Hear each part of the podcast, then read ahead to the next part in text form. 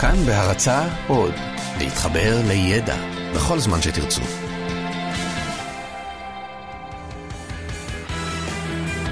פעם בשבוע, עם תום אהרון, המונולוג המרכזי. הנושא המרכזי שלנו הערב הוא רצועת עזה, כי היא עוד מעט סופש וארוחה משפחתית, ודוד שלכם יעלה את הנושא באיזשהו שלב. הוא יגיד לפני זה את המילה ביטקוין איזה 600 פעם, ינסה לשכנע אתכם שאין דבר כזה טרנסג'נדרים, ואז יספר שהוא קרא בפייסבוק של אברי גלעד שיש מנהרה חדשה של חמאס שעוברת דוך מעזה לקניון ביג פאשן אשדוד. עכשיו, אם ובלי קשר לדוד שלכם, אנחנו כן צריכים להבין מה קורה שם, כי לא משנה איפה אתם נמצאים על המפה הפוליטית, חייבים לקחת בחשבון שמדובר במקום מורכב וקריטי, שההשפעה שלו על החיים של כולנו היא אדירה.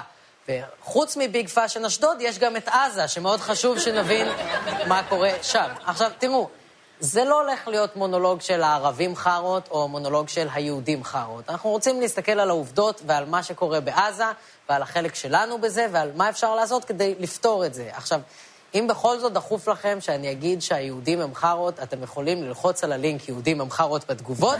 אם אתם רוצים שאני אגיד שהערבים הם חארות, אתם יכולים ללחוץ על הלינק ערבים הם חארות בתגובות. ואם אתם צופים בנו בטלוויזיה, אתם כנראה מאוד מבוגרים, אז הנה בשבילכם.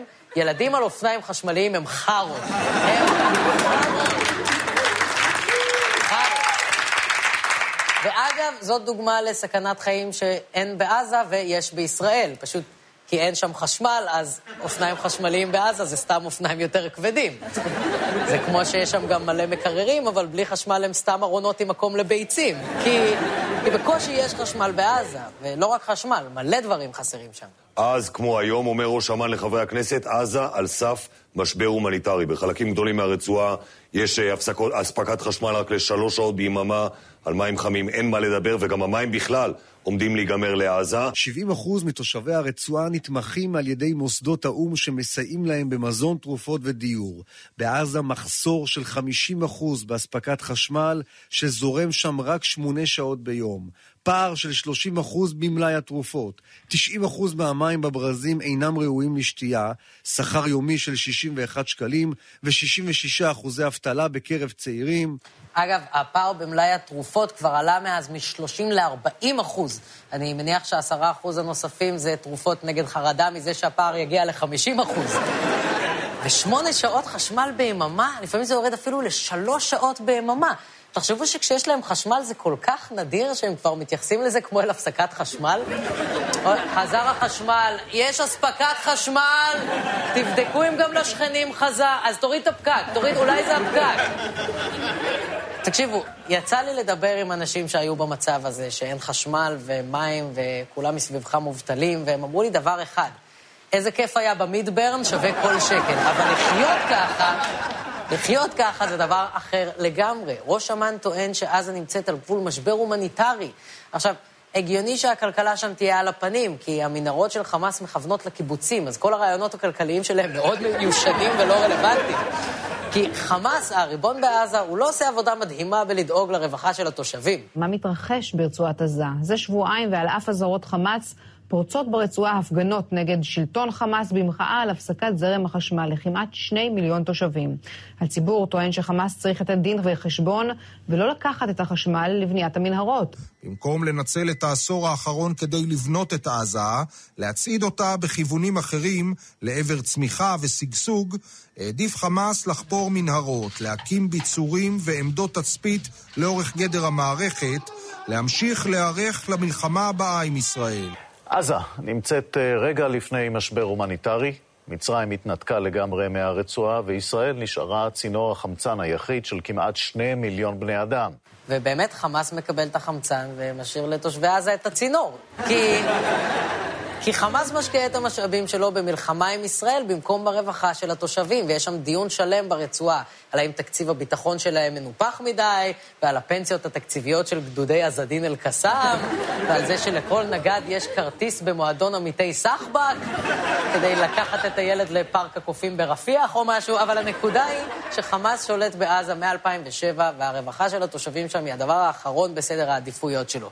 והסיבה שישראל מספקת חמצן לעזה ועוקבת בדריכות אחרי מה שקורה שם, היא שלא באמת התנתקנו ממנה.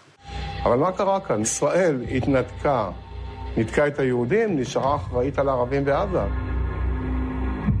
היום ישראל, ואני אומר את זה כחבר קבינט וכחבר ממשלה וכמי שמתמצא. היום ישראל שקועה אזרחית בעזה יותר מאשר לפני ההתנתקות. התגובה הישראלית על תפיסת שלטון החמאס בעזה ב-2007 הייתה חריפה. הסגר התהדק, המעברים נסגרו. אישורי יציאה לסוחרים, פועלים, קרובי משפחה, סטודנטים, כמעט לא ניתנו. כשמצרים סגרה את מעבר רפיח, הם לא יכלו לזוז. מבחינתם, צה"ל יצא, אבל ישראל נותרה לשלוט על המרחב האווירי, הימי, על התנועה במעברים, על הייצוא והייבוא, על רוב אספקת החשמל וחלק מהמים. כל יום שעובר מקרב את סיר הלחץ שנקרא עזה לנקודת הרתיחה. תגובה חריפה, נקודת רתיחה, סיר לחץ. אין לכם דרך לתאר מה קורה בעזה בלי להזכיר להם שאין להם אוכל? מה, המצב בעזה מטוגן חוש שרמוטה. מה? ישראל יצאה פיתה. מה קורה? לא, כי ישראל כץ אומר פה דבר נכון מאוד. לא באמת התנתקנו מעזה. אמנם פינינו התנחלויות והוצאנו חיילים, אבל ישראל עדיין שולטת בכניסות וביציאות של סחורות ובני אדם לעזה וממנה.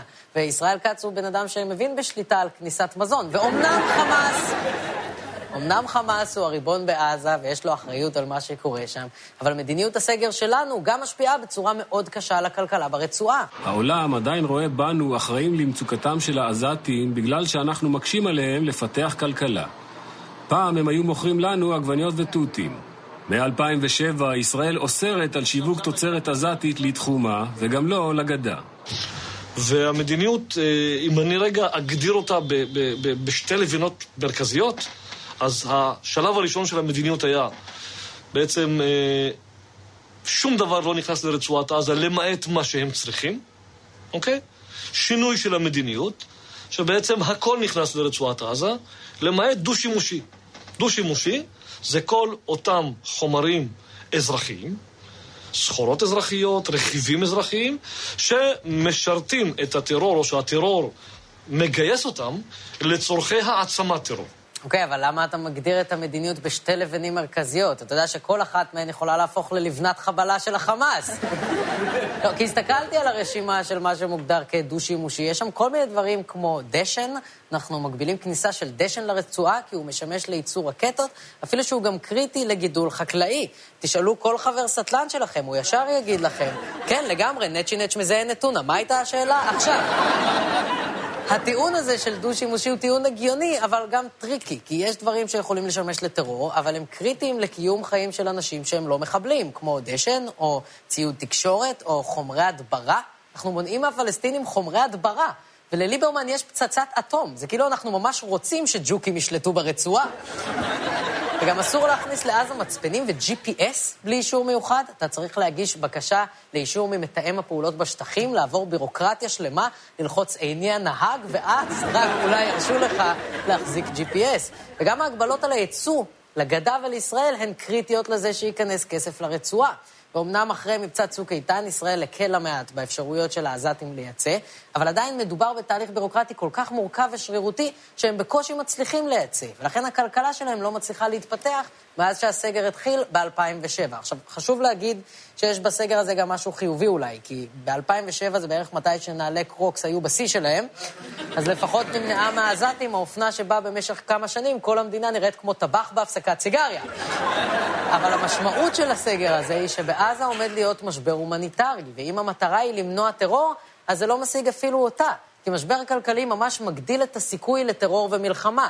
האלוף פולי מרדכי, מתאם הפעולות בשטחים, כלומר, האיש האחראי מטעם המדינה על הקשר עם עזה, אמר בדיוק את זה לאחרונה בכנס של גלובס בהופעה שגרמה לקהל להשתולל לגמרי. רצועת עזה אזור כושל, 90% ממי השתייה לא ראויים לשתייה, אבטלה בקרב הצעירים של 60%. אני מסכם בזה שכלכלה כושלת ואזורים חסרי משילות יכולים לייצר טרור, לייצר מלחמה, כלכלה יציבה יכולה לדחות ולא מחייבת הגעה למלחמה ולעימותים, וזה מרכיב ונדבך נוסף וחשוב לתפיסת הביטחון של צה"ל. תודה רבה. תודה רבה. תוכנית החומש של צה"ל צריכה לתת מענה לאיומים אסטרטגיים, אבל גם לקחת בחשבון הזדמנויות אזוריות. תודה רבה. ועכשיו אני רוצה שתיתנו הרבה כבוד לחבר טוב שלי, אלוף פיקוד דרום לשעבר, סמי תורג'מן. אתה אומר לי שיש קשר הדוק בין רמת החיים שם לבין הסבב הבא?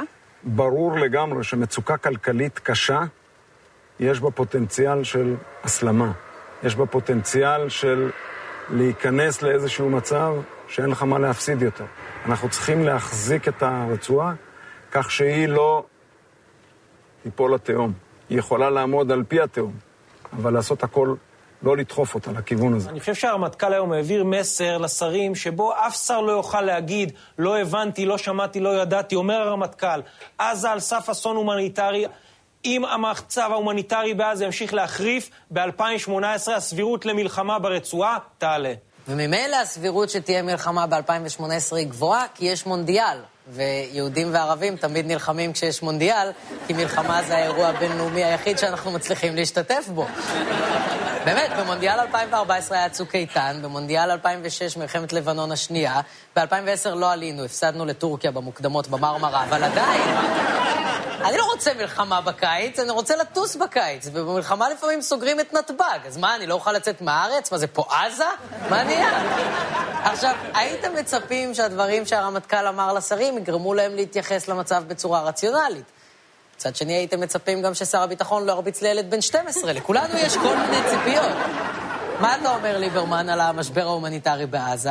מי שמוסמך לקבוע האם יש משבר הומניטרי או לא ברצועה או ביהודה ושומרון, זה המתפ"ש.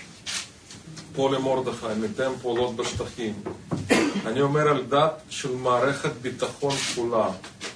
זה בדיוק ההגדרה, אין משבר הומניטרי, יש מצב קשה וצריך לקחת את זה בחשבון.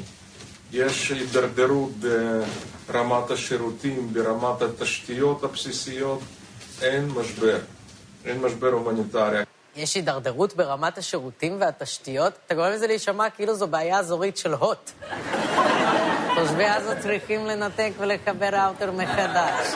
אדוני, אתה צריך לעשות הפרדה. לך יש בעיה בספק, ואני לא שמה לך זין. זה שני דברים שונים לחלוטין. מקווה שנהניתם מהחיקוי שלי מחכה את אסי כהן, מחכה את ליברמן. זה אומנם לא היה מדויק, אבל אולי לא לדייק, זה החיקוי הכי טוב של ליברמן שאני יכול לעשות. כי פולי מרדכי, מתאם הפעולות בשטחים, לא אמר שאין משבר הומניטרי, הוא אמר שעזה על סף משבר הומניטרי. ליברמן, כשאתה חוזר אחרי מה שפולי אומר, אתה צריך לחזור על זה בדיוק כמו שהוא אומר את זה, אחרת אתה לא תקבל קרקר. כי המצב בעזה קשה מאוד. פולי אמר, כמו שאומר הרמטכ"ל, וכמו שאומר מי שעד לפני שנייה אלוף פיקוד דרום, וכמו שאומרים המון אנשי ביטחון, חייבים לשקם את עזה. כי אנחנו עדים פה למשבר הומניטרי, וכי הולכת לפרוץ בגללו מלחמה ואנשים הולכים למות. עכשיו, יכול להיות שמבחינת ליברמן זה רק הגיוני שאנחנו עדים ושזה יכול לגרום לנו למות. עכשיו תראו, אפשר להיות קשוחים כמו שליברמן מציע, להמשיך במדיניות זין עליהם כדי לא לצאת רכרוכים כמו הצבא. או שאפשר לחשוב בצורה רציונלית כדי לשפר את המצב. תייצר תקווה לאוכלוסייה. שזה אומר מה תפרוט את זה? זה אומר, הייתי אה, פותח שניים, שלושה מעברים גדולים, מתקדמים ביותר סביב רצועת אה, עזה, ומאפשר הכנסה של כל הסחורות לתוך הרצועה, על תנאי של בידוק ביטחוני. הדבר השני, הייתי מאפשר לאנשים לצאת מהרצועה, שיצאו לכל העולם. הייתי מאפשר להוציא פועלים. ואני מאוד סומך על מה שסמי תורג'מן אומר, כי לא רק שהוא היה אלוף פיקוד דרום, הבן אדם נראה בול כמו קרמבו. נראה כמו המאכל קרמבו. ומתי קרמבו אי פעם שיקר לי? זה כל מה שאני אומר. ותורג'מן אומר שאנחנו צריכים להקל בסגר על עזה ולאפשר לאנשים לצאת מעזה, ואני בתור אלוף במילואים מסכים איתו, כי מכל הנתונים וממה שהצבא שלנו אומר, הסגר על עזה גם הוביל למשבר הומניטרי וגם נכשל במטרה שלו כשהוא מעמיק את הסכסוך ואת האלימות. והדרך היחידה שזה לא ימשיך להתפוצץ לנו בפנים היא אם נשנה גישה. כשאתה מסתכל היום על המדיניות של מדינת ישראל. אני חושב שאפשר לעשות יותר. אמרתי את זה גם אחרי צוק איתן.